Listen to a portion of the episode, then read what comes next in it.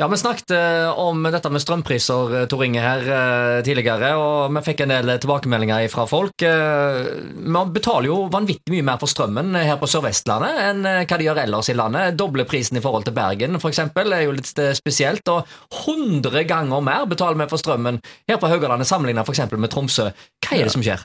Ja, det er, altså, det er, jo rett og slett skandaløst, spør du meg. Eh, men eh, den logiske forklaringen på mellom, den store prisforskjellen mellom nord og sør er jo at eh, i nord så har de ingen steder de kan eksportere kraft, overskuddskrafta si, så dermed så blir det billig.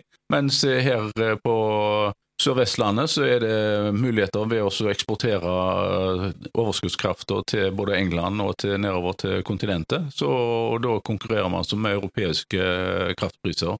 Så, og våre kraftselskaper de prioriterer heller å sende krafta ned til Europa enn å forsyne sine egne innbyggere. Og det, det, er jo helt forferdelig, fordi det er jo våre forfedre som har bygd opp og finansiert eh, kraft, eh, det som da er f.eks. Haugaland eh, Kraft. Det er egentlig våre forfedre som har betalt for dette, og vi, det er vi folket som eier det.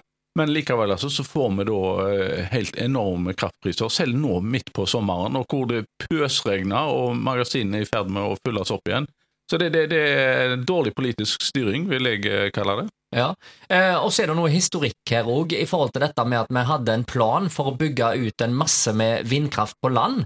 Men så kom det eh, motstand imot dette her. Eh, når de eh, beslutta, fikk jeg greie på, å bygge disse utenlandskablene, så var disse her vindturbinene på land en del av regnestykket. Når de uteble, så fikk vi et problem. Eh, I Sverige for eksempel, så gjorde de det de planla, på samme måten som i Norge, bygde noe vanvittig med vindturbiner. Så derfor har de lavere strøm og mer stabile strømpriser faktisk importerer vi lenger nord i landet ganske mye strøm eh, fra de vindturbinene som de har bygd i, eh, i Sverige. Så, så vindkraftmotstanden er en av årsakene til at vi har så høye strømpriser akkurat nå, faktisk. Ja, altså de, de, importerer mye strøm når det blåser, men altså det, det hender jo at det ikke blåser. da, Så det er jo litt uh, ustabilitet uh, når det gjelder det å stole på vindturbiner. Men det, er, her på Vestlandet så hadde det vært genialt, for her blåser det alltid. Nei, det gjør ikke det, altså. Så, og det, det, koster mye å, å ha vindturbiner uh, da, som går av og på, av og på da, når du skal koble det til og av. Da. Men det som er det store her på Vestlandet, etter min mening, det er jo vannkraft. Mm. Vi har masse potensial i å bygge ut mer vannkraft, og ikke minst forbedre den eh, både gamle rørgater og gammelt ledningsnett eh, som vi har. da. Så det, Egentlig så er det helt unødvendig eh, da, å drive med vindmølleproduksjon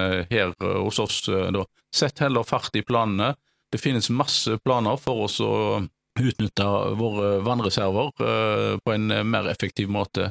Husk at mange av de vannkraftverkene som eh, ble bygd, det ble bygd opp på 1920-tallet, gammel teknologi. Og mye av dette er ikke da oppdatert. Da. Det finnes bedre teknologi i dag som gjør at vi kunne fått mye mer potensial ut av det til en billigere penger og mer miljøvennlig måte enn det å ha disse monstrene av noen vindmøller, både på, til, til lands, men òg nå til havs. Altså, vi har jo diskutert dette tidligere. Det er en gambling uten like når det gjelder miljø. og sette ut, altså De snakker om altså å sette ut 1500 vindmøller til havs uh, uten å ha noen særlig konsekvensutredning av det. Det kommer til å bli svindyr uh, strøm vi får ifra disse. her. Det, de sier at det blir minimum 1 krone kilowatten.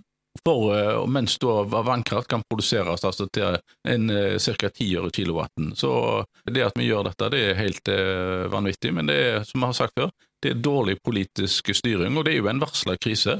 Det har jo blitt sagt tidligere at eh, hvis vi begynner med disse utenlandskablene, så kommer prisen til å stige. og Norge som industrinasjon vi mister vårt komparative fortrinn med at vi har kunnet tilby eh, billig strøm til eh, industriene. Nå får altså òg industrien høye utgifter, og gjør at vi da taper konkurransen med utlandet. Men så sier de det at eh, ofte i industrien så har de fastprisavtaler, så de blir ikke berørt på samme måten, så, ja, så lenge det ikke er langvarig. Jo, det, altså det, hvis du har sånne store selskaper som uh, Hydro Aluminium, så har de langsiktige avtaler. Men altså, du kan gå og se på uh, småindustri, enten uh, er ja, en del som bruker mye strøm, så har ikke de de samme langsiktige avtalene. Da. Så mange eh, industribedrifter strever stort i dag med at de har eh, høye strømutgifter. Så vårt fortrinn, det som har vært vårt fortrinn, det er nå i ferd med å falle bort, fordi vi da velger heller å selge det ned til Europa.